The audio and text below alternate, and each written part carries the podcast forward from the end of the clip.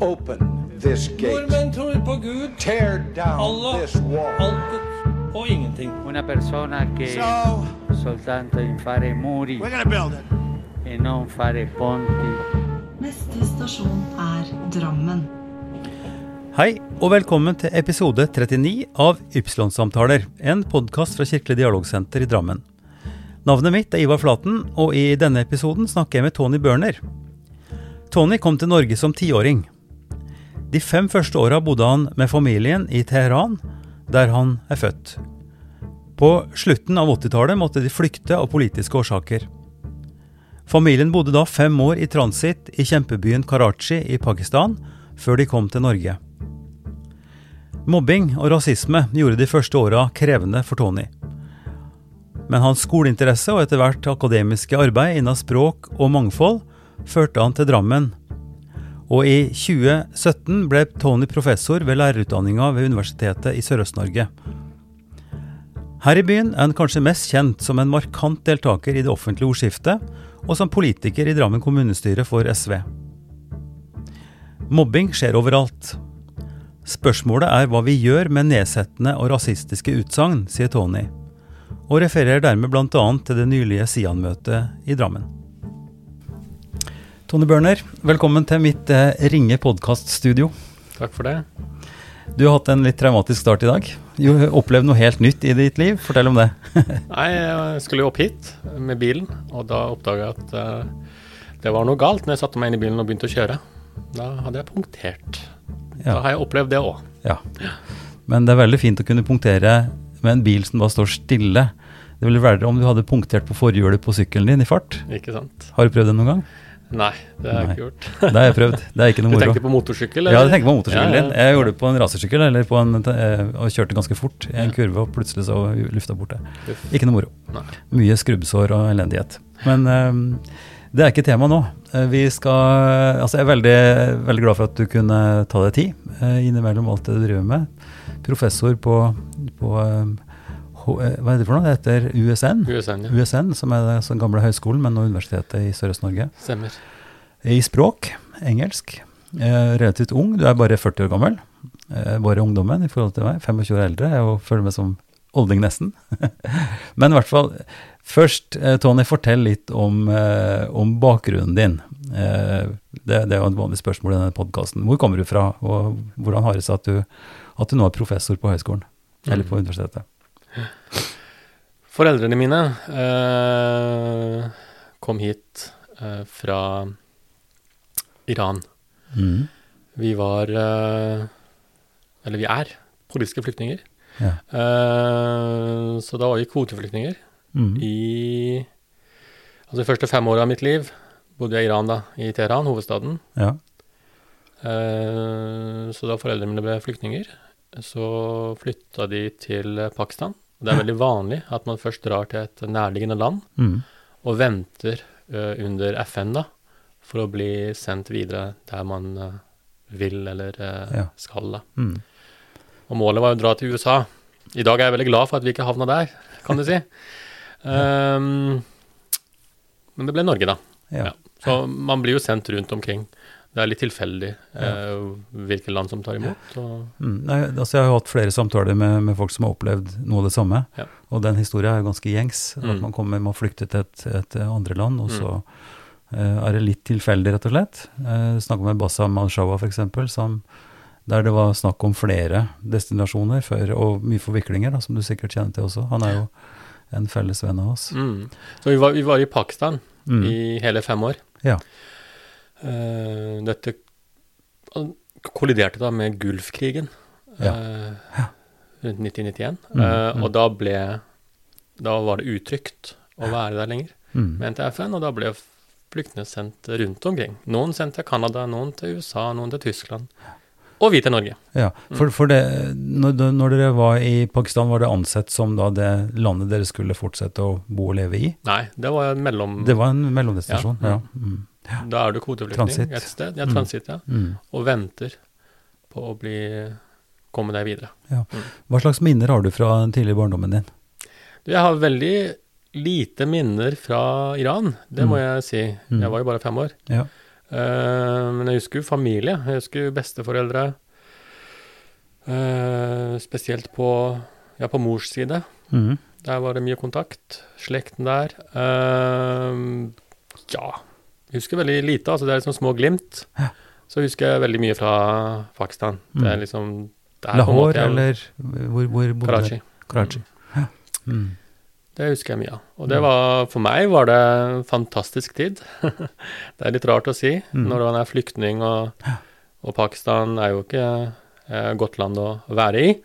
Uh, men eh, jeg trivdes. Eh, det var helt fantastisk tid. Eh, du lærer språk fort. Mm. Jeg lærte urdu flytende. Mm. Eh, du får venner. Mm. Du leker. Ja. Vi er kristne, så vi hadde kristne venner som, som vi var mye sammen med. Ja. det føltes veldig godt. Og ny mat, ny kultur. Mm. Mens foreldrene mine syntes selvfølgelig at det var verste stedet de har vært noen gang. Mm. Ja. Eh, boforhold og, og det rundt hvordan var det? Hadde dere bra sted å bo, eller? Det ville jo ikke foreldrene mine si, men Nei. jeg syns det. Mm. Ja, du hadde Det ikke var- noe problem, tenkte ikke på det? Nei. Men det, sånn, var, sånn sånn er det var, det var grunnleggende ting, da. Man Ja. Men sånn er det med unger. Ja. Eh, ekstremt adaptive. Eh, finner seg til rette, tar ting som de er. Ja. Eh, ser ikke på, på sånne ting som, som klart, som vi som voksne og, og foreldre er bekymra for framtid, for alt mulig og sånt noe. Mm. Men, eh, men det er jo et, på en måte et, et sånn håpstegn, syns jeg. Altså at unger eh, er umiddelbare, knytter kontakter, lager nettverk. Eh, hva var på en måte det med maten og forskjellene og sånt noe, som du kan huske tilbake på? Hva var det som, som du syntes var morsomt med det? Altså Alle som kjenner meg nå, Ja. vet at jeg liker veldig godt eh, veldig sterk mat. Mm. Så det er jo en greie, da. Det er veldig stor forskjell Mm. mellom Pakistan og Iran der. Ja. Iran er det jo ikke så sterk mat i det hele tatt. Mm. Så jeg ble vant til det, og jeg Mm. syns det var veldig godt. Så alle smakene fra pakistansk mat, øh, og indisk for så vidt, da, Mm. det, det har satt seg. Så det liker jeg veldig godt. Eh, og som du sikkert har hørt, så er jo en del av, uh, av det som interesserer meg i, i disse samtalene, også hva slags eh, påvirkning, eller hva slags eh, ting en har med seg fra det religiøse, altså eksistensielle området. Og det handler jo ofte om fester og feiringer og, og, og, og gudshus og sånn. Og du sier at, at dere eh, er kristne, og kom da til, til Pakistan, som også er jo en Der kristne er et, må vi si, i hvert fall et mindretall, for å si det forsiktig. Mm. Eh, hva husker du fra det? Nei, vi var på en måte veldig inn i et kristent miljø, da. Så det var mye gudshus. Det var uh, Ja, det var hva slags, hva slags uh, Katolikker. hva, Ja, ok. Mm. Mm. Mm. Ja. Brødre, som vi kalte dem. De Ja. som skulle bli prester. Ja. Mm. Ikke, ikke hverandre på like fot sånn. Altså, våre venner eh, muslimene sier jo bror eh, til, til medmuslimer. Det er, ikke, er det noe samme, eller er det noe Dette var for de som skulle bli geistlige, eller? Er de, for de som skal bli geistlige. Ja. Uh, mm. Jeg vet ikke om det har noen sammenheng med, med bro Ja. som sleng. Det er jeg usikker på. Ja, men det er også Ja, det er for så vidt det, det samme. Men, men eh, det er altså julefeiringer, eh, eh, påske Ja. Påsken er vel vesentlig større enn den her eh, hos oss. Absolutt. For oss er jo påske appelsiner og fjell, og, Mm. og de fleste også som går i kirka en del ellers, Mm. eh, er jo i mindre grad der i, i påska. Det er jo et, et, et stort paradoks, naturligvis. Absolutt. Eh, men du var, ganske, du var ganske ung, da. For du kom der som femåring og var der i, Fem år. i fem år, så du var ti da, da du Ja, rundt det. Ja. Mm. Så det ja, Jeg husker jo mye ritualer, eh, Mm. som du sier, påske. Sånn palmer og Ja. eh, drakter og Ja. eh, røyking. røyking. Ja, Røkelse. røkelse, ja. Pros Eh, prosesjoner. Ja, ja, ja. Ikke sant? For den, den som har opplevd påsken i eksempel, ja, i, i ortodoks tradisjon, så har det enda, enda mer fargerikt og fargesterkt og, og lukt. Altså, og luktene og sånn. Hvis du har opplevd en påske i, i Hellas f.eks., Ja. så er det jo et eventyr. Det er liksom 17. mai og nyttårsaften og, og alt på en gang. Ja. Eh, utrolig sterkt og flott med alle disse seremoniene. Så noe av det Og noe av det ligger jo også eh, veldig tydelig i den katolske kirke, mer enn i den lutherske, men det kommer kanskje litt etter hvert. Eh, vi har jo nå i påska f.eks. i flere år hatt en såkalt sånn, sånn på, vandring, ikke sant, palmevandring gjennom Mm. byen. Mm. Eh, så Ok, men uh, vi skal ikke fordype oss i, i dette veldig mye mer. Men du opplevde altså da eh, altså sannsynligvis ikke flukten som noe veldig dramatisk eh, som såpass ung. At dere, at dere kom til Pakistan, du trivdes godt, hadde mye venner og sånt. Da måtte det også være ganske, om ikke traumatisk, så rart å skulle komme fra et urdutalende område og lærte det nye språket. Du, altså, du, du kan da persisk, åpenbart, og urdu. Eh, og du underviser nå i engelsk. Og når du kom som tiåring da til et bitte lite språkområde langt nord i Europa, hvordan var det? Det var uh, veldig spesielt. Veldig fremmed. Mm. Uh, husker veldig godt uh, uh, at vi ble godt tatt imot. Det gjorde vi av, av kommunen. Um, Kom dere hit direkte til Drammen?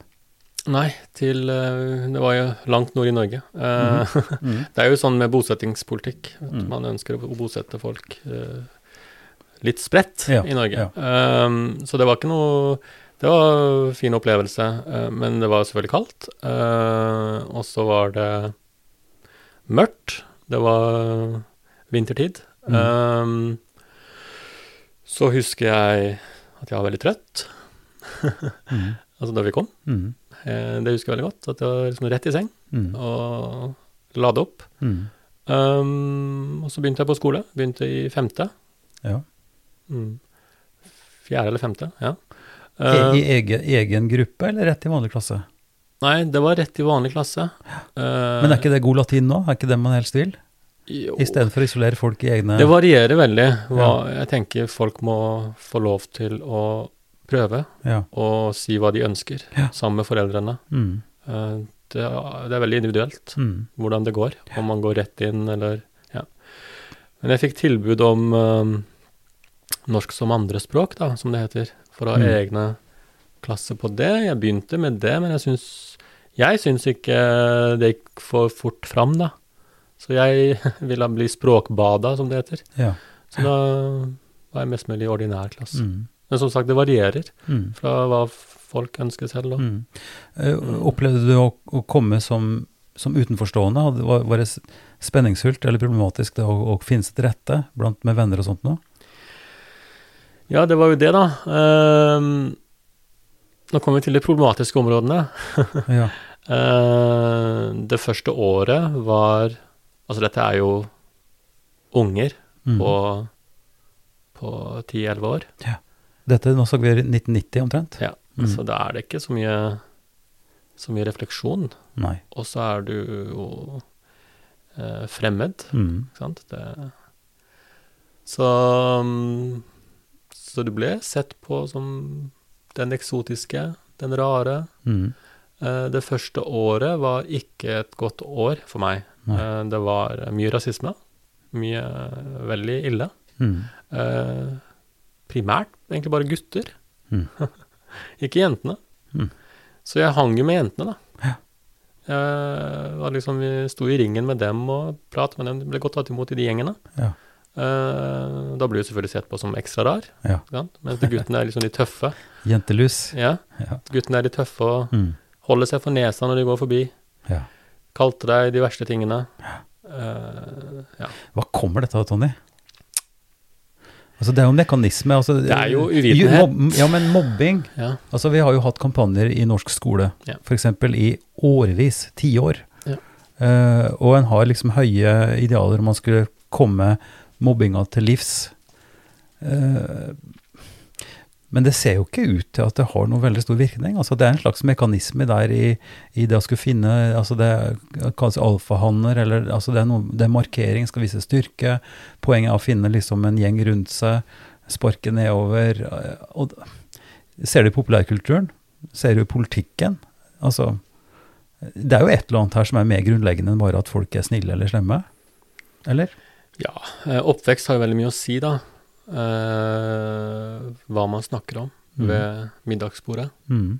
Hva man får inn av eh, inntrykk og eh, uttalelser på en måte hjemme. Mm. Det har jo veldig mye å si. Mm. Så foreldrene har jo ikke gjort eh, de, de ungene jeg snakker om, da. Da har ikke foreldrene gjort en god nok jobb. Nei. Uh, og så er det noe med at samfunnet som helhet utvikler seg over Mm. tid. Mm. Vi blir jo mer og mer blanda.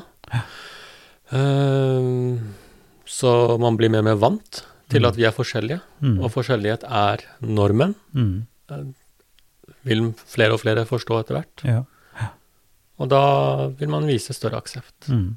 Eh, Hvordan gikk samtalen rundt eh, middagsbordet hjemme hos deg? Var dine foreldre klar over at du hadde det vanskelig, eller hvordan takla dere det? Uh, ja Ja, de var nok klar over det, for de var jo i foreldresamtaler. Mm. Dette ble jo tatt opp. Mm. Uh, jeg tror på en måte at de slet med sitt. Mm. For dem var det jo Igjen så er det jo veldig lett, mye lettere, å komme uh, i ja, Før du er tenåring, på en måte, uh, enn å komme hit som voksen. Ja. Fra en så forskjellig del av verden. Mm. Så for dem var det nok mye verre. Altså, de hadde jo De var nok mye mer isolert. Mm. Jeg hadde jo tross alt venner. Mm. Om ikke det var gutter. Så, ja, det var noen gutter òg, da, som, som var fine å ha som venner. Det var det. Det var ikke alle som var sånn. Men, øh, men de som var sånn, var nok øh, Det var gutter. Mm. så, jeg, så jeg fikk meg noen venner. Eh, vi spilte TV-spill, husker jeg, Nintendo. Eh, det var inn på den tiden. Mm. Um, likte å leke med snø. Altså, det var jo nytt, ikke sant. Eh, så det var gode tider da, Mm. Men eh, på skolen var det ikke det, når du ikke opplever den tilhørigheten i guttegjengene, da. Nei. Når du ikke får vært med. Og leke, på en måte, med Mm. de, du, de du egentlig skal være sammen med. Mm. Sånn. eh. Men du ser jo i skolegården nå, så er det jo mye mer blanda. Ikke bare ut fra etnisk opprinnelse, men også kjønn. Mm. Du ser jo at det er mye mer blanding mellom gutter og jenter. Mm. Mens på den tiden var det mer guttegjenger og jentegjenger. Mm. Det husker jeg veldig godt. Ja. Så da blir jeg spesielt uh, utsatt, da, Mm. når du ikke får vært med i guttegjengene. Mm. Fordi der er det noen tøffe mobbere, Mm. og de andre bare eh, tier stille. Ja. De tør ikke å ta oppgjøret, da. Nei. Her er det en interessant historie som jeg kanskje kan ta. Fordi Ja. dette har jo Dette har sittet eh, langt inne lenge, ikke sant? Mm. Det er noe man bærer med seg. Ja. Og så, som voksen, så så skjedde noe veldig spesielt. Eh, Broren min, da han jobba som uh, sosionom, Mm. så hadde han en kollega i Oslo Mm. uh, som etter hvert viste seg å ha vært en av de guttene. Som hadde plaga dere? Jepp. Som var en av de verste mobberne eh, mot meg. Mm. så når jeg fikk eh, Det var en tilfeldighet vi oppdaga det, Ja. men når vi skjønte at vi hadde en felles historie der, det var Mm. noe som binda oss sammen, så spurte jeg broren min kan du fortelle han at jeg er lillebroren din, Mm. og kan vi avtale å møtes? Mm. Og det møtet var veldig forsonende Mm. og veldig, veldig spesielt. Ja. Mm. Så da møttes vi ute i Oslo, Ja. og så huska han veldig godt alt som hadde skjedd. Mm. All mobbingen, Mm. all rasismen. Mm. Og jeg spurte rett og slett hvorfor. Mm. Og som voksen så sa han at det hadde plaga han like mye Ja. som det det har gjort for meg. Så han sa Så han sa um, Det er veldig godt å prate om det. Mm. Og jeg må jo si, når jeg tenker, tilbake, tenker så mye tilbake på det, så har det kun vært for å, fordi de andre gjorde det. Jeg skulle være tøff, jeg òg. Mm. Jeg turte jo ikke å si dem imot, Nei. så jeg skulle være kul, jeg òg. Ja. det var liksom det. Så, grunn, så, så banalt. Gruppepress. Ja. Så det var Og feighet. Ja. Mm. Og etter det møtet så har du gjort noe, altså. Mm. Jeg føler på en måte at den er lagt bak meg. Ja. Så den forsoningen var veldig viktig. Du lytter nå til episode 39 av Ypsilon-samtaler. I denne samtalen snakker jeg med Tony Børner. Ja, forsoning det er jo et kjempestort begrep, og det, det er også noe som vi har sett politisk med, med det som skjedde med Tutu og, og Forsoningskommisjonen i Sør-Afrika etter de, fant, altså de helt vanvittige tinga som skjedde der. Og eh, du kjente sikkert også en ved Juliman. Nei, eh, men i hvert fall en, en veldig interessant kar som jobba i Helsingforskomiteen, kom som flyktning fra Bosnia i 93, og har skrevet bøker og jobba mye med forsoning. Og også hatt prosjekter eh, rundt omkring i Europa. Så jeg har hatt stor glede av Han døde dessverre i kreft nå i, nå i, i høst. Mm. Eh, Men forsoning, altså det å møtes og kunne ta opp ting, og, og for din del, det er en fantasi jeg har kanskje, men det at du forsto at det, det presset du var utsatt for, den mobbinga, ikke primært handla om, om deg, men at det var At dette var et, et, et mønster, noe som disse kom inn i, fordi de turte ikke å stå imot. Altså en type gruppepress eller en dynamikk. Eh, som jeg også kjenner igjen veldig godt fra mitt eget, eh, mitt eget liv. For jeg var også utsatt for mye mobbing og tull da jeg, da jeg gikk på barneskolen. Spesielt altså i, i tredje klasse, fjerde klasse kanskje. Mm. Hadde briller, var litt tjukk, eh, leste mye. Eh, ukul. Og det hjalp ikke spesielt heller at det var fra en kristen familie, kanskje, uten at det var noe stor sak, egentlig. Men den følelsen av hele tida måtte, måtte tåle det, og, og kanskje også kompensere litt, og at en da i noen tilfeller kan komme i skade for å overdo it. Ikke sant? At du blir, når du har mulighet til å kunne hevde det, så ja. Så Mm. kanskje er det også et signal for, i noen tilfeller at, at mobbere er kanskje litt svake også. At de har problemer sjøl. Ja, jeg begynte å nøste litt i historiene til de andre Mm. mobberne. For han øh, har jo på en måte Han kjenner jo flere av dem. Så jeg spurte litt om han visste om hvordan det gikk med dem. Mm. Som var, var flere av de som faktisk var øh, havna i grøfta, holdt jeg på å si. Mm. Mm. Det var konkrete eksempler på, på narkomani og Ja.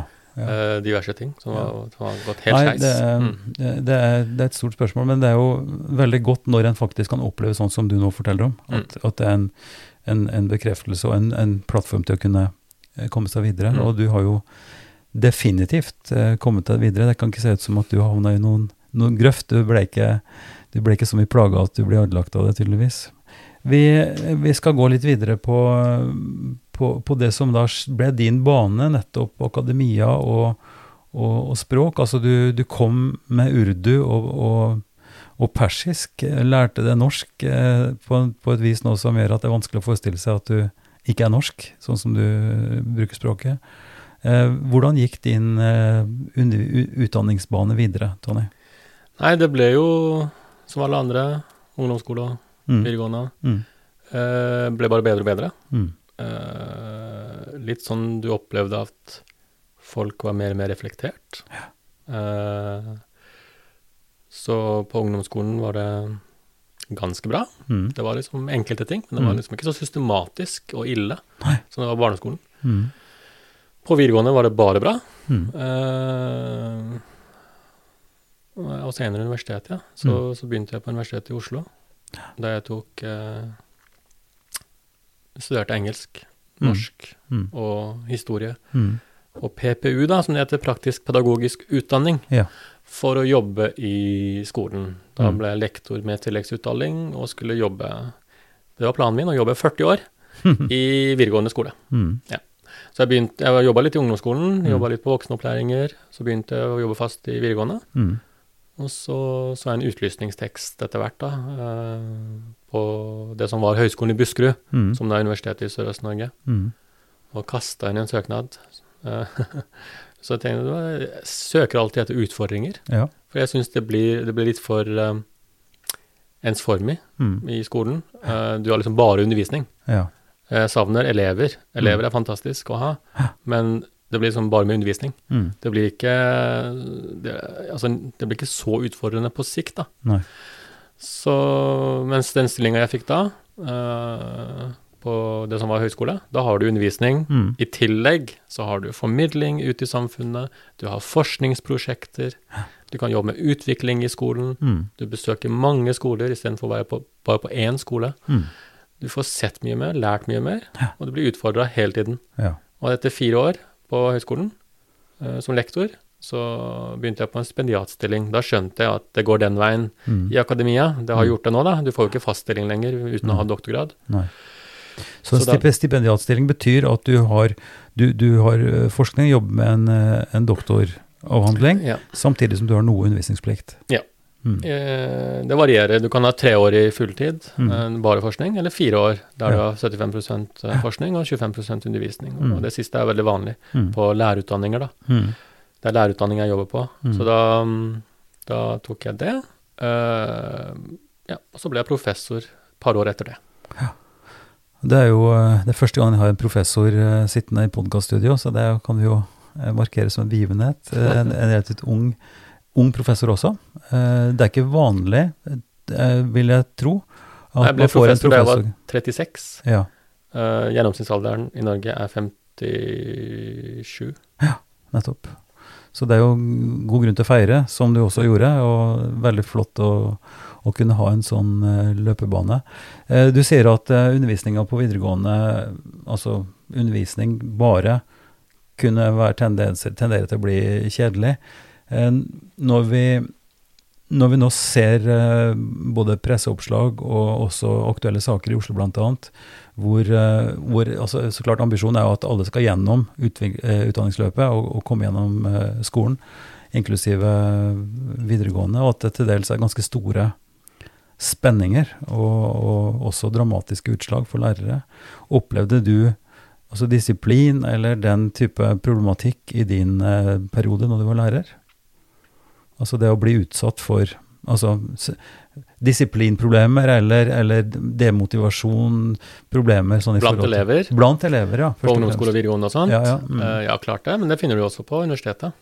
Det er jo Mm. ikke noe unikt for uh, Jeg vil jo si at du finner det i alle mulige grupper. Ja. Eh, men det er jo En klar forskjell, da, eh, er jo at på universitetet så så har du ikke det samme ansvaret, Nei. sant? Det er primært voksne mennesker. Mm. Eh, så kan man ha Selvfølgelig skal man motivere, du skal jobbe med alt det vanlige Mm. pedagogiske prinsipper. Mm. Men om det er noen som f.eks.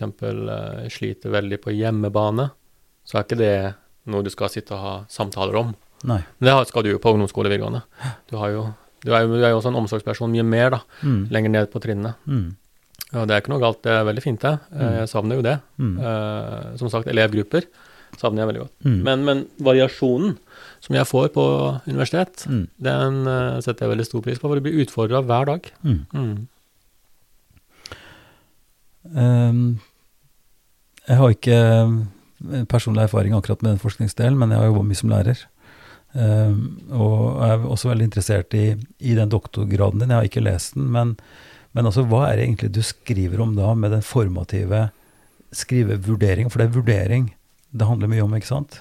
Og da spesielt i, i engelsk, og du har satt det til ungdomstrinnet. Men Mm. hvis du skal koke det ned til bare noen få sånne eh, overskrifter, hva er det egentlig du er ute etter, og hva er det du fant?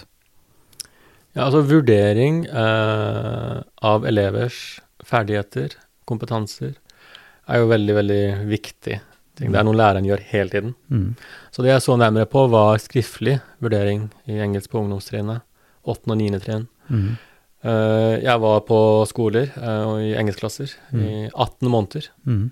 eh, og samla inn data. sammen med fire engelsklærere og deres klasser. Så det var for å se hvordan de legger til rette for at elevene kan bruke tekster til å jobbe mer og bli bedre i engelsk. da. Mm.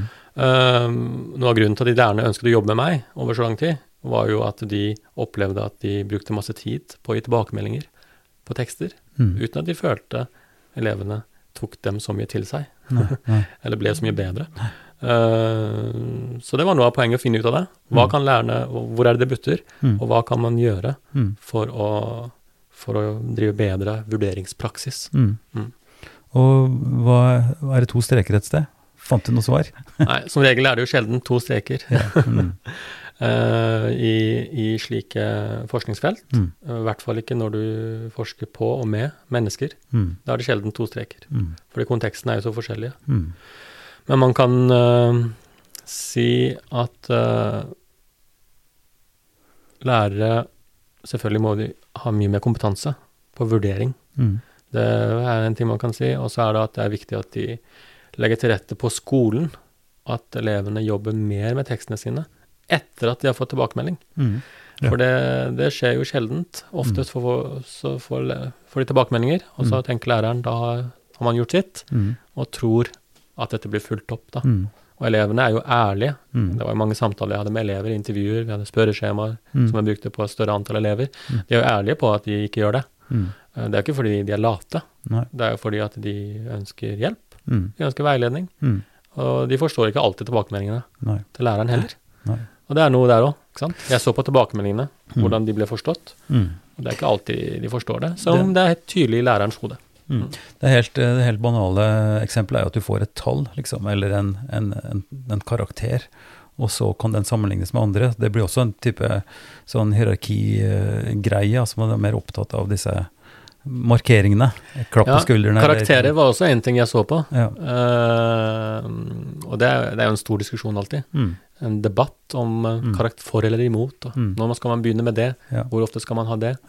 Ja. Men det finnes masse forskning på det, uh, flere tiår, Mm. der man har sett på at eh, jo yngre elevene er, mm, jo mer eh, på en måte skadelig er det. da. mm, Hvis man fokuserer for mye på De kaller det for eksterne markører. mm, Så da er det ikke bare karakterer, men det kan være stjerner, smileys, ja, ja, score. mm, Fordi da sammenligner man seg med hverandre. ja, Og du skal jo sammenligne deg med deg selv, da. Ja, ja. Det er det som må være målet.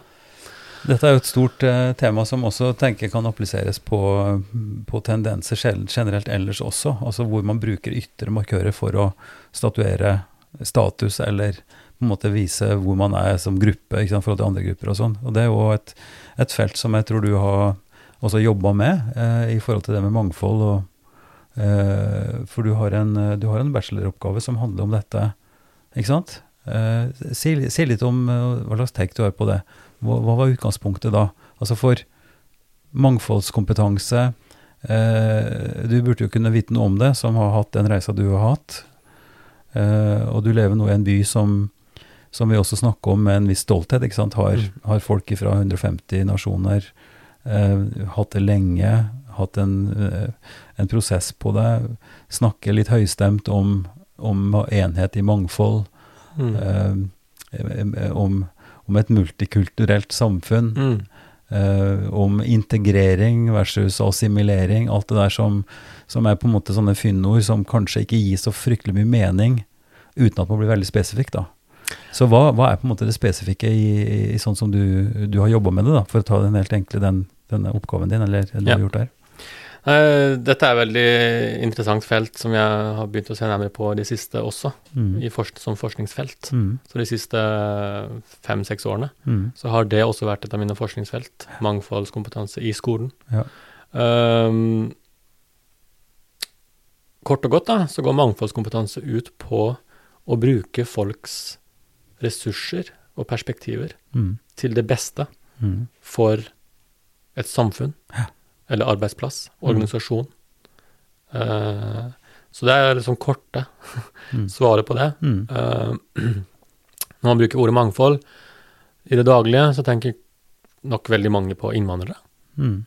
På, de, på synlig mangfold. Da. Man kan ofte skille mellom synlig og usynlig. Mm. At det er liksom de som ser annerledes ut. Hijab eller brun i huden, svart i huden. Ehm, og det blir for overfladisk, selvsagt. Eh, men mangfoldskompetanse går ut på at sant, uansett hvor gammel du er, eh, mann eller kvinne, hudfarge, eh, utdanning osv., Mm. funksjonsevne, Mm. så er det hvordan du bruker den kompetansen du har, erfaringene du har, inn til å berike andre rundt deg i samfunnet, Mm. på arbeidsplassen Mm. osv. Så. Mm. så det går mye mer på det da, enn eh, enn, å sitte og telle, Mm. Ta, å ta seg sjøl i bruk, Ja, går det an å si det rett og slett? kort og godt. Og, da, og når du har Være, være klar over sin egen styrke, ikke, være, eh, ikke skjule noe, ikke være, altså, dytte bort ting, Ja. men å erkjenne sin egen kompetanse, og kanskje mangel på kompetanse også. Ja, nettopp.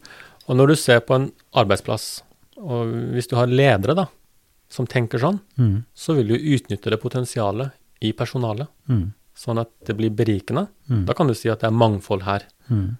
Uh, selv om det kanskje ikke er synlig mangfold. Mm. sant? Mm. Eh, hvis du drar det opp da, flere nivåer, og så ser du på Norge som samfunn, da kan man igjen snakke uh, om det. Mm. For eksempel så vil jeg si at de siste ja, 20 årene så har man kanskje vært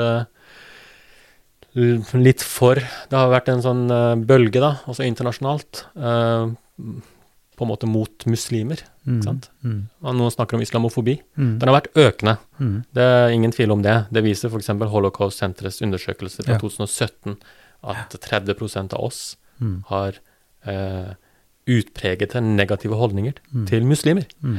Så eh, det gjør noe med den gruppen, da. Mm. Eh, da vil man snakke ekskluderende om dem. Mm. Kanskje drive politikk Mm. som kan oppleves ekskluderende. Mm. Kanskje mange muslimer da vil etter hvert prøve å skjule den kompetansen, den erfaringen de måtte ha som muslimer. Mm. Ikke sant? Da vil ikke det, da vil ikke det bidra positivt Nei. til samfunnet vårt som helhet. Mm.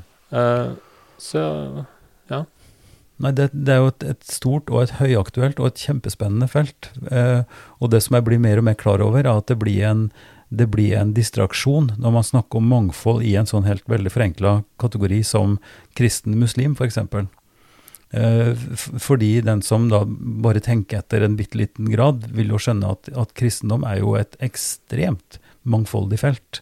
Og utrolig spenningsfullt. Altså i hele kristendomsutviklinga. Vi snakka om katolsk kirke i, i, i, Persia, eller Iran, ikke sant. Eh, som er urgammel kirke, men som er utrolig forskjellig fra pinsekirka her i, i Drammen, f.eks. Eller en Mm. ortodoks kirke, eritreisk Altså det, det er et sånt kulturelt sett, teologisk og på, på alle vis. eh, Den, den protestantiske kirka som vi er en del av, er jo et, nesten et sammenhengende blodbad, for å si det litt grovt. Mm. ikke sant? Det har ikke vært verre tilstander i Europa enn etter at Luther kom med sin eh, tese om at eh, altså hvis dere bare leser Bibelen, og folkens så hører hva jeg sier, så blir vi enige, for jeg har jo rett. og ja, det, ikke sant? Så kristendom er veldig mangfoldig, på samme måte på islam. Og det å skulle gå i den fella og si at vi snakker om entydige ting her, har jo fått meg til å skjønne at kanskje er dialogarbeidet eller samtalen eller erkjennelsen av mangfold internt i vår egen forsamling kanskje den viktigste samtalen. For å erkjenne at jeg sjøl er veldig komplisert, har veldig mange identiteter, kan man jo si også. Ikke sant? Man, man framstiller seg sjøl, eller, eller er forskjellig fra forskjellige sammenhenger. Og det å kunne sitte og, i et kirkerom for eksempel, og si at vi er same, same, og at en eller annen person i den forsamlinga skal kunne svare på, på luthersk dåpssyn, f.eks., i forhold til noe annet. Så det er, det er, det er fiksjoner. mm, det er en generalisering. Det er en veldig generas generalisering som, eh, som er skadelig, og, og jeg tenker at da eh, Det er en gammel sånn regel ikke sant, at du skal, du skal telle til ti, eller tenke etter, eller bruke statistikken og sånt noe. Mm. Tenke langsomt, tenke etter. Uh, og jeg tror det er en veldig god medisin, da. Mm. Uh, men som er helt kontrært det som en kan se ut til er nå tidens melodi, da, som handler om Mm. sånn binærtenkning, enten-eller. Ja. Ikke sant? Hvor en setter opp motsetninger og sier at uh, den som er noe annet, tar feil, eller, Ja. Eller er på villspor, eller er dumme, eller et eller annet. Og de siste 20 åra, som nevnt, altså spesielt etter World uh, Altså 9-11, da, World Trade Center, ja. ja. Mm. og perioden etter. mm. Det har jo bare eskalert, syns jeg. Så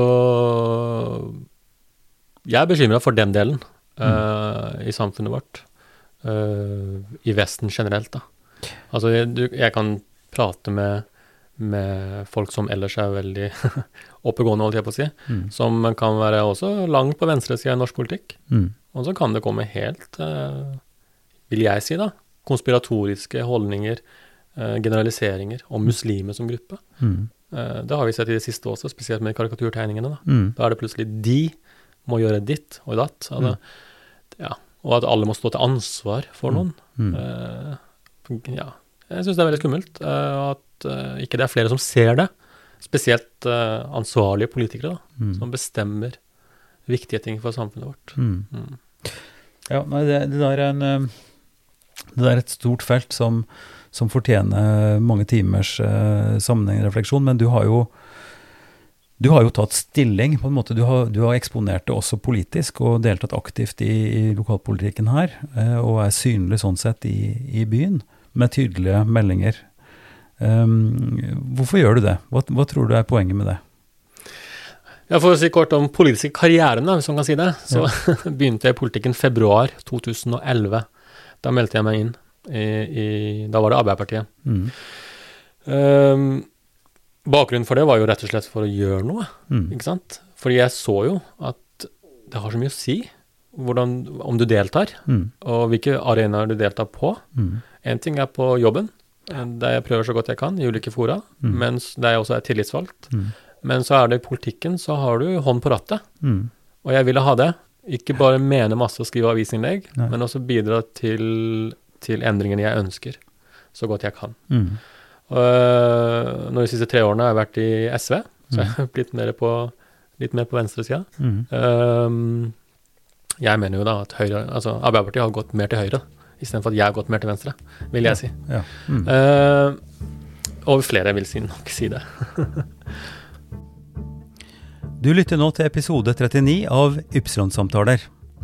I denne samtalen snakker jeg med Tony Børner. Er fordi at saksengasjementet ditt Ja. og, og, og så videre, det har vært relativt konstant. Hva er, hva er de, hvis du kan si de tre viktigste sakene, hva, er- hva er grunnen til at du bruker Jeg, jeg må si først også, jeg er utrolig imponert og takknemlig for at folk vil det Mm. og gjør det. For det er masse jobb. Det er mye papirer, det er mye tid, det er mye engasjement, og det er lite payoff.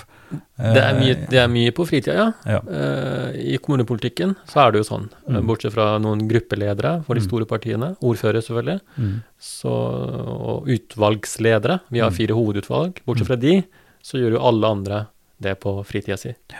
Eh, vi er 57 stykker i Mm. kommunestyret. Mm. Um, så klart det, det tar en del tid, men det er veldig givende når du faktisk ser at det nytter. Mm. Spesielt når du sitter i posisjon, da. Ja, ja, ja. Eh, det gjør vi jo nå. Ja. Um, men eh, eh, ja, altså tre viktigste saker, altså mangfold, som du har nevnt, er Mm. veldig viktig for meg. Altså mangfoldspolitikk. Mm. Klima, selvfølgelig. Og, og, og kampen der, holdt jeg på å si. For det er jo en kamp. Ja. Eh, antirasisme som hører til mangfoldskompetanse. Eh, ulikhet. Det å bekjempe det. Mm. Det er jo kjerneverdi i SV og flere andre partier. Men føl, føler du at det nytter? Du sier at det er tilfredsstillende nå i posisjon, og at, at du har hånd på rattet, kan være med på å prege Ja. lokale vedtak, eh, dytte ting i riktig retning og sånt. Eh, jeg, jeg har jo sagt, og mener nok også, at, at de store spørsmåla, uh, utviklinga som vi ser rundt oss nå i natt, så har vi hatt, ny, altså vi har hatt, eh, vi har hatt nye varmerekorder.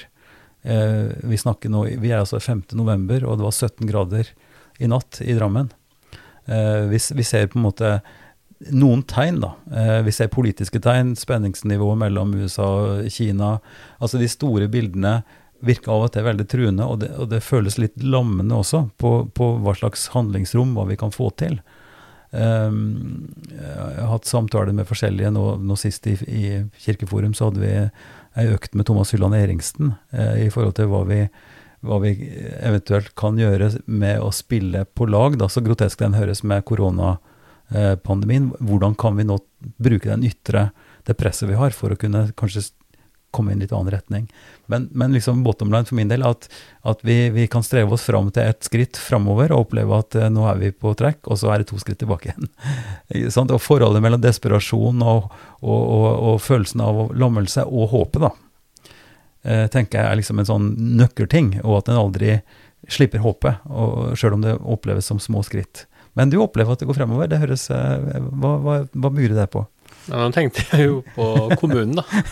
Ja, men vi er, det er her vi er. Men det går fremover på mange ting også globalt. Mhm. Man skal jo, altså Nyhetene fokuserer jo ofte, ofte på det som gir eh, klikk, Mm. og det er negative nyheter. Mm. Det er jo det. Globalt så går jo f.eks. barnedødelighet bare nedover. Ja da. Ja. Fattigdom. Jeg har lest Hans Rosling, så Ja jeg, ja, ja. Så det Ikke sant? Mm. Så det er masse ting som tyder på Ja. at det går riktig vei globalt. Mm. Mm. Selv om vi har noen kriser. Ja. Mm. Um, ytre, altså Aviser elsker jo motsetninger, så klart, og, og debatter og sånt, og prosesser i kommunen lokalt også har jo vært motsetningsfulle og, og konfliktfulle, på en måte. Hvordan opplever du eh, samtalen og samarbeidet eh, da med, mellom posisjon- og opposisjonspolitikere? Eh, er dere også på lag i en viss forstand, eller altså, klarer dere å holde den åpenheten i samtalen, så at det ikke blir disse tilstivna frontene som vi ser eh, litt for mye av? Mm. Eh, ja, det er veldig godt samarbeid. Det er det. Og det, det liker jeg veldig godt i politikken i Norge generelt. Mm. Det ser du jo på Stortinget også. Det ser du også i koronapandemien, ikke sant? Selv om man, noen Ja. kan få det til å gå politikk i det. Mm. Uh, det er jo selvfølgelig politiske forskjeller, ikke sant? F.eks. hvor store krisepakkene skal være, osv. Mm. Uh, men grunnleggende tonen, tilliten mellom Mm. politikere Mm. Du ser ingen som kaster stoler. Nei. Du ser ingen som uh, går ut i mediene og sjikanerer partikolleger Mm. fra andre partier. Altså, som du finner i mange andre land, også demokratiske land. Uh, USA er jo versting nå, da. Mm. uh, eksempel på det. Mm. Men, men du finner det i Europa òg. Polen og Ungarn. Ja, ja. Uh, så jeg er veldig glad for uh, politiske klimaet vi har i Norge, Mm. både på Stortinget og i kommunene. Mm. Det er godt samarbeid mellom Ja. posisjon og opposisjon. Mm. Det er det. ja nei, det Selv er om man også- kan være rykende uenig om enkeltsaker. Ja, ja, men det er jo hele poenget. Altså, man er jo, man er jo rykende uenig om en god del ting. Mm. Ganske grunnleggende ting også. Mm. Men det å insistere på den at her er det en kanal, vi snakker sammen, vi er uenige, vi bruker demokratiske midler for å finne ut av hvordan vi gjør det, Mm. og må da ta tap eh, og, og, og oppleve at vi blir stemt ned, Mm. eh, og at det er legitimt, Ja. og at man har et, et verktøy altså i vår måte å tenke samfunn på, da, og, og kunne stå opp også sammen mot konspiratoriske Mm. Elementer som, som vil demonforklare rettsstaten og, og, sant, og, og systemet. Og det har jo de siste årene kommet noen enkelteksempler på sånne, da.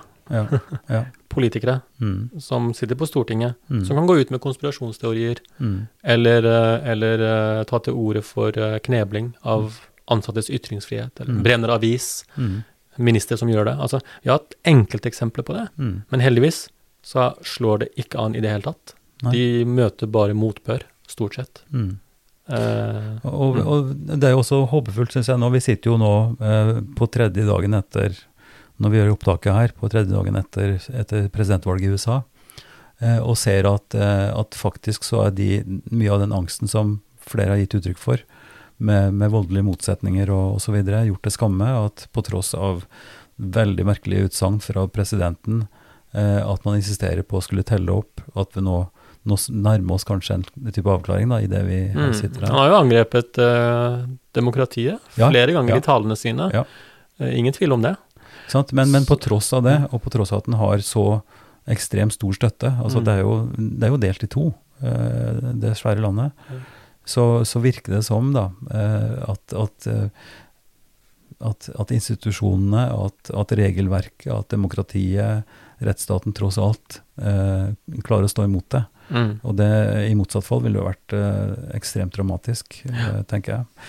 Men la oss, eh, la oss eh, konkretisere det litt grann i forlengelsen av det vi nå snakker om, hvor, hvor spenningene kommer helt til sin spiss, og hvor eh, ytringsfriheten settes opp mot hva vi kan tåle, altså eh, forholdet mellom, da, kall det konspirasjon, rasisme, eh, ytringer som, som ligger i det grenselandet der.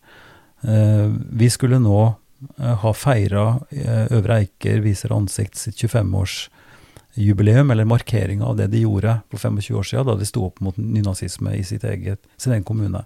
Og en massiv mønstring. Det er ikke det er nesten like lenge siden hvor Arne Myrdal og, og blitzere eh, kolliderte i, i Brumunddal. Eh, og hvor det ble veldig stygt, og hvor eh, en lokal prest, Cato Kristiansen, eh, mobiliserte sammen med befolkninga der sto mønstra tusenvis av folk.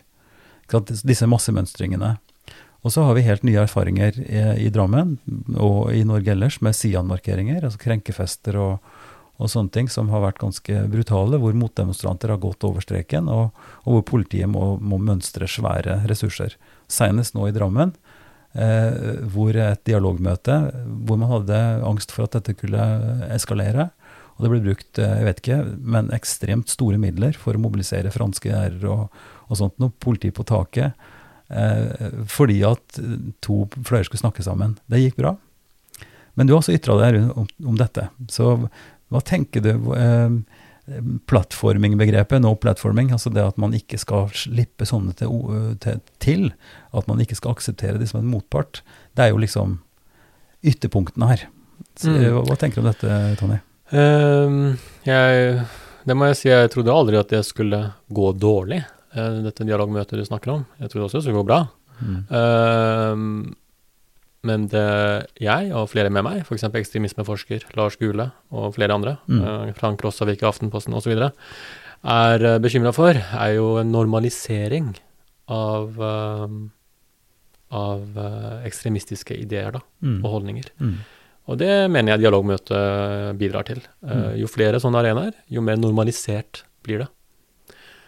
Um, og så er det jo da Skal man du, altså skal man ikke gi plattform, ikke sant, som det, du spurte om, Mm.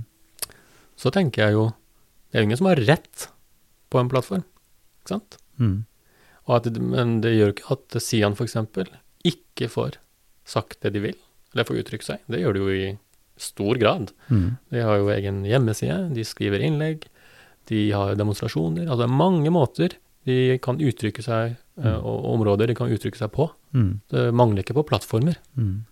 Men å tilrettelegge og gi ekstra plattform, Mm. som vanligvis gis til, eh, til det som på en måte er innenfor, ikke sant? Mm. Hvis du kan tegne en sirkel, Mm. så er det som er innenfor, selv om det er meninger vi er fullstendig uenig i, Mm. men det er, inn, det er innenfor sirkelen.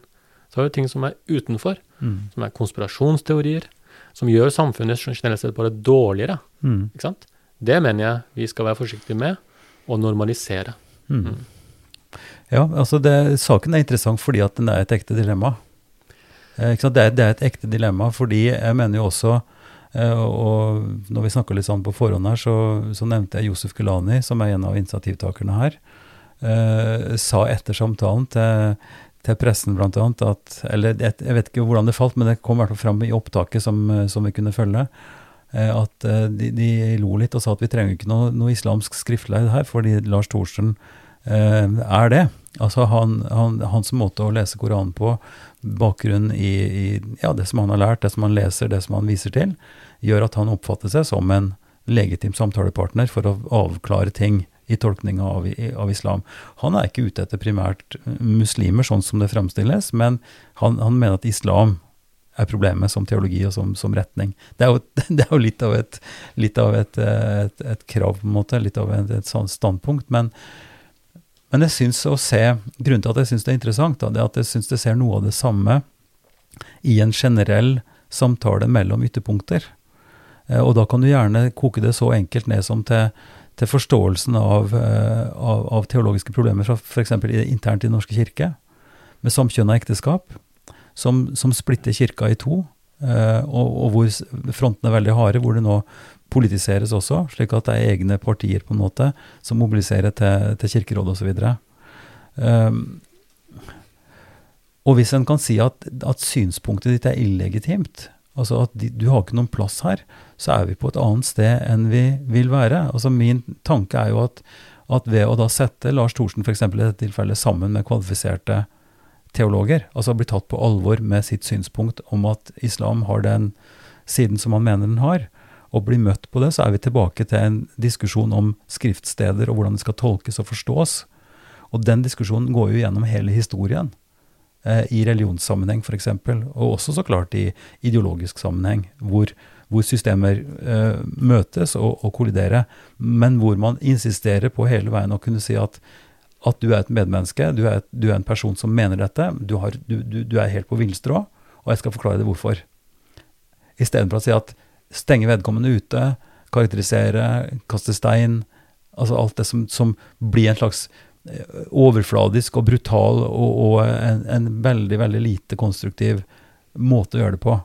Og bare det at, at man unngikk en sånn konfrontasjon i Drammen nå i denne sammenheng, er jo et gode. Og hvis den kan altså som, Du skjønner, det er på en måte tanken. Så jeg vil, jeg vil si at dette er et mønster som like godt kan brukes internt da, i en hvilken som helst eh, ideologisk eller religiøs debatt. Eh, hvor man, kun, man er rivende uenig og mener å ha godt grunnlag for å si at dette er, du, dette er useriøst, dette er ikke i tråd med eh, 90% av alle tolkere, ikke sant, osv. Du må gjerne mene det, men, men du har veldig lite belegg for det, å kunne si det. Og da hjelper ikke Det er nesten som Trump nå. Mm. Jeg kan si at ja, men altså, de, de legitime stemmene viser at de har vunnet.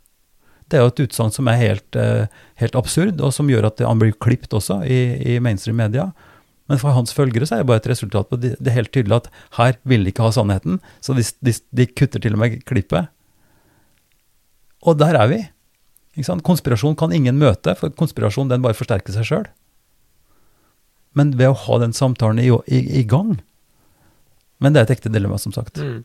Men samtalen har jo vært i gang. Den har vært i gang i mange år. Eh, på blogger, på, gjennom innlegg, eh, gjennom samtaler. Den har alltid vært i gang. Mm. Eh, samtalen går sin gang.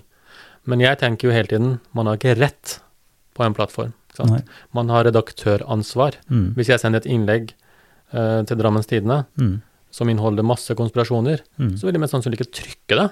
Ikke sant? De kommer tilbake til meg og sier kanskje du bør endre det, kanskje Mm. det Mm. kan du dokumentere det? Kan du lage en lenke til det? Mm. Det er redaktøransvar. Mm. Det redaktøransvaret har seriøse plattformer, da. Mm. Eh, det mener jeg man skal bruke. Mm. Det betyr ikke at man sensurerer. Nei. Det betyr at vedkommende kan uttrykke det de vil, Mm. eh, andre steder. Mm. Ja. Så jeg tror man må skille mellom det, altså. Jeg Mm. tror man må skille mellom ting man er uenig i, Mm. og ting som er eh, konspiratorisk. Mm. Du vil ikke sette opp en debatt eh, for å snakke om QAnon-konspirasjonene, som nå er veldig legitime blant mange i USA, Mm. ikke sant?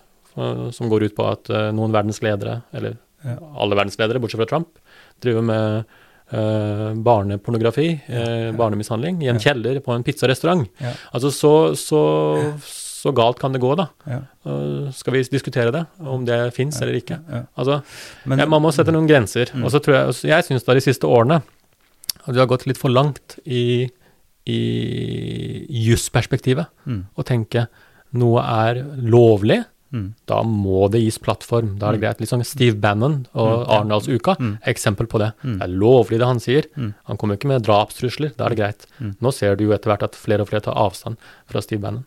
Så man må liksom tenke mer på ytringsansvar, Mm. redaktøransvar, Mm. eh, etikk. Mm. Eh, hva slags samfunn ønsker vi? Hva Mm. ønsker vi å normalisere? Ja.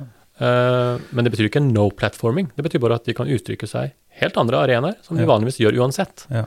Er nok arenaer. Men, eh, men la oss ta det. eh, som, som Og vi, vi er nødt til å runde av snart, Tony. Dette er helt vilt. Vi har ikke mange minutter igjen. Men, men la, oss, la oss nå ta det der de eksemplene fra Øvre Eiker, hvor, hvor kirka faktisk med, med prester har stilt seg i, i front og har fått med seg mye folk for å markere motstand. Eh, og, og det har vi sett nå rundt omkring. ikke sant, At f.eks. For, for å bli med Sian har hatt markeringer som har degenerert til, til vold og blitt stoppa av politiet. Eh, fordi eh, noen grupper da har blitt så sinte, eller ikke sant, som du vet. Ja, og det er jo helt uakseptabelt, selvsagt. Ja, og det, det er vi jo helt enige om. Men spørsmålet er jo da hva slags metodikk, hva skal til? Altså hvor skal vi sette grensene? Vi kan si at vi kan neglisjere det, så de kan bare stå og skrike, og det er helt greit. Eh, fordi at det er ingen som er det likevel, men da er det noen få som kommer, og så blir det bråk. Det har vi jo sett, det er jo metodikken her. Og bildene kommer, og sosiale medier får det de skal ha, og Mm. Sian kan si at dette er galskap. Nei, jeg tror det er veldig viktig med ryddige motdemonstrasjoner, hvis man skal ha det. Man må, noen må lede det, noen må ta ansvar. Det må være registrering av motdemonstranter, må vite hvem som kommer for å motdemonstrere. Eh, det må gjøres ordentlig, eh, ansvarlig og fredelig. Mm. Eh, det er det ene, hvis man skal motdemonstrere. Mm. Eh, og det er viktig å gjøre. Men det andre er at eh, Sånne ytringer fra Sian f.eks., og andre, alliansen osv., de, de vil jo finnes. Det er jo ikke sånn at de går under jorda. Men så er det Så tenker jeg vi må ikke altså, vi må neglisjere det ellers. Vi må liksom prøve ikke gi det oppmerksomheten de ønsker. Det tror jeg er veien å gå. Mm. Og gjøre det motsatte, ved å faktisk gi flere plattformer, Mm. mer sånn helt ordinære plattformer som Arendalsuka, som Steve Bannon, eksempel. Mm. så er vi med på å normalisere det. Det blir no eh, helt vanlige, Mm. som om de var vanlige debattanter, Mm. som ikke drev med konspirasjonsteorier. Mm. Det er en farlig vei, Mm. og det mener jeg da vi ser noen tendenser til Mm. eh, i det siste. Eh, helt til slutt, hvordan skal vi forstå trossamfunn? Altså Den norske kirke, som er en del av Kirkelig dialogsenter, som er leder. Hva er min og vår rolle eh, for å mobilisere når det er nødvendig, og for å neglisjere når det er nødvendig? Altså Politikk og tro det er jo noe et stort eh, debattema har vært. ikke sant? Hvor Sånn som når prosten tar til orde for f.eks. romfolk, som det skjedde for noen år tilbake, ble jo det skikkelig rabalder, fordi at det ble ansett som at kirka da går i i politisk retning osv. osv. Eh, har trossamfunna en, en rolle, tenker du, og eventuelt på hvilken måte? Har du tenkt på det? Helt klart, og jeg ser jo at det gjøres mye. Eh, helt klart en rolle, men de som skulle tro at eh, kirken skal eller er nøytral, de vet jo ikke så veldig mye, Nei. vil jeg si da. Mm. Alle institusjoner har jo en rolle. Mm. Kirken har så klart en rolle, sånn som du, eksempelet du gir med, med tiggere. Mm. Helt klart. Det handler om nestkjærlighet. Det handler om uh, mennesker. Mm. Uh, da spiller kirken en rolle. Uh, og det er politikk i alt. Alt er politikk. Mm. Så man må ikke tro at politikk foregår på Stortinget og i kommunestyret. Ingen andre steder. Det foregår politikk overalt. Hele tiden. Mm. Eh, Men kirka og tilsvarende store organisasjoner ønsker jo eh, å, å være der for, for alle. Ja. Det er følsomt å komme i en skvis hvor du på en måte blir tatt for å være hvert fall partipolitisk, Ja. eller kalle det radikal, eller gå, gå langt i å anbefale noe framfor noe annet. Det er forskjellen, ikke sant? Ja, og det er ikke partipolitikk. Nei, men, Men- men, noen problemer er såpass store, og, og, og det er såpass dramatisk at det føles påtrengende å skulle gjøre noe, eller prøve å gå i en retning. Ja. Ta f.eks. klimaspørsmålet, eller, eller andre store saker hvor kirka også må eksponere seg på en eller annen måte Ja. og gå foran. Og dette og jeg kan ikke se noen annen mulighet enn det. Altså Nei, det, det at gjør vi også på universitetet. Mm. Eksempel klima. Ja. Vi jobber med FNs bærekraftmål. Mm. Vi må det. Ja. Uh, uh, det betyr ikke at vi eh, er partipolitiske. Selv om f.eks. MDG går lengst i det. ikke sant? Mm. Det betyr jo ikke det. Mm. Så, så det handler om mennesker, det handler om samfunn, det handler om uh, verden, oss. Og da, da må jo alle, universitetene, kirkene, Mm. trossamfunn ellers, uh, frivillige or- organisasjoner, Røde Kors osv., alle bidrar jo for å gjøre verden til et bedre sted. Og ja, det kan jo sies at det er politikk, å prøve å få et best mulig samfunn. Mm. Men de, til forskjell fra det vi gjør i kommunestyret, er ikke partipolitikk. Ikke? Det er en viss forskjell der. Men Mm. klart det er politikk, Mm. i betydningen vi ønsker å gjøre verden bedre. Tony, timen har gått. Takk for en veldig interessant samtale, og lykke til med alt ditt, både i politikken og i akademia. Takk skal du ha. Takk for samtalen. Takk for at du bruker tid på Ypsilon-samtalene. Hvis du liker denne episoden, kanskje du liker også andre som du vil finne mer informasjon om på www.ypsilonsamtaler.no. Der vil du finne en kort presentasjon av alle St. Party-partnere så langt, og lenke til episodene. Du må gjerne abonnere på Ypsilon-samtaler i din favorittpodkast-app. Og så er vi veldig glad for tilbakemelding og forslag som du kan sende til Ivar, krøllalfa, kirkeligdialogsenter.no. Podkasten er støtta av Drammen kommune, Barne- og familiedepartementet og Einar Juels legat. Ansvarlig utgiver er Kirkelig dialogsenter Drammen ved daglig leder Ivar Flaten.